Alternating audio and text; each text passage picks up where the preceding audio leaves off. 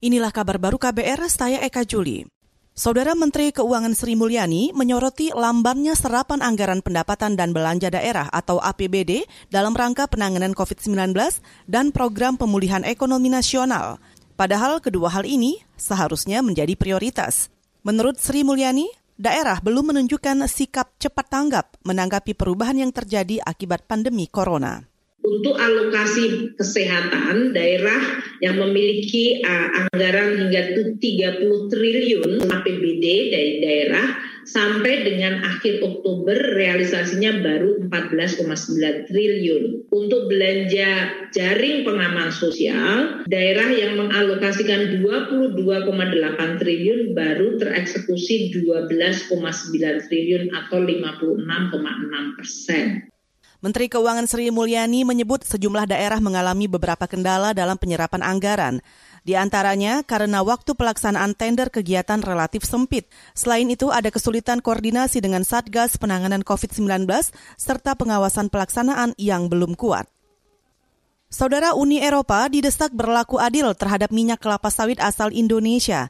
Desakan ini disampaikan Menteri Luar Negeri Retno Marsudi dalam pertemuan ke-23 tingkat Menteri ASEAN Uni Eropa yang berlangsung virtual Selasa kemarin. Mengutip antara news, Menteri Retno menegaskan Indonesia tidak mengorbankan kelestarian lingkungan hanya demi mengejar pembangunan ekonomi. Ia merinci kelapa sawit hanya menggunakan lahan sebesar 17 juta hektar. Hal ini berbeda dengan minyak nabati lain yang menggunakan lahan lebih dari 270 juta hektar. Sebelumnya, Komisi Uni Eropa mengeluarkan dokumen yang menyimpulkan kelapa sawit mengakibatkan deforestasi besar-besaran secara global. Komisi Uni Eropa berencana menghapus secara bertahap penggunaan kelapa sawit hingga 0% pada 2030.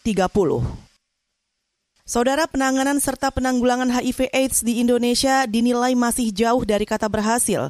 Ini disampaikan Ikatan Perempuan Positif Indonesia saat peringatan Hari AIDS sedunia kemarin. Ikatan Perempuan Positif Indonesia atau IPI adalah organisasi yang diinisiasi oleh dan untuk perempuan dengan HIV AIDS atau ODA.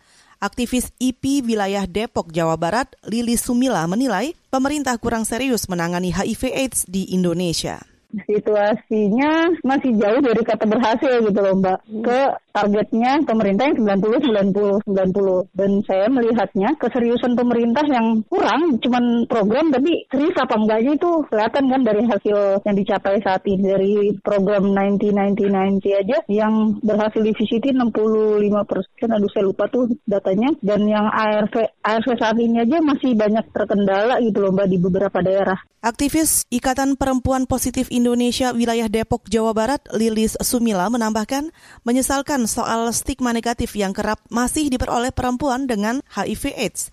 Sebelumnya, pemerintah bertekad mewujudkan Indonesia bebas AIDS pada 2030 mendatang.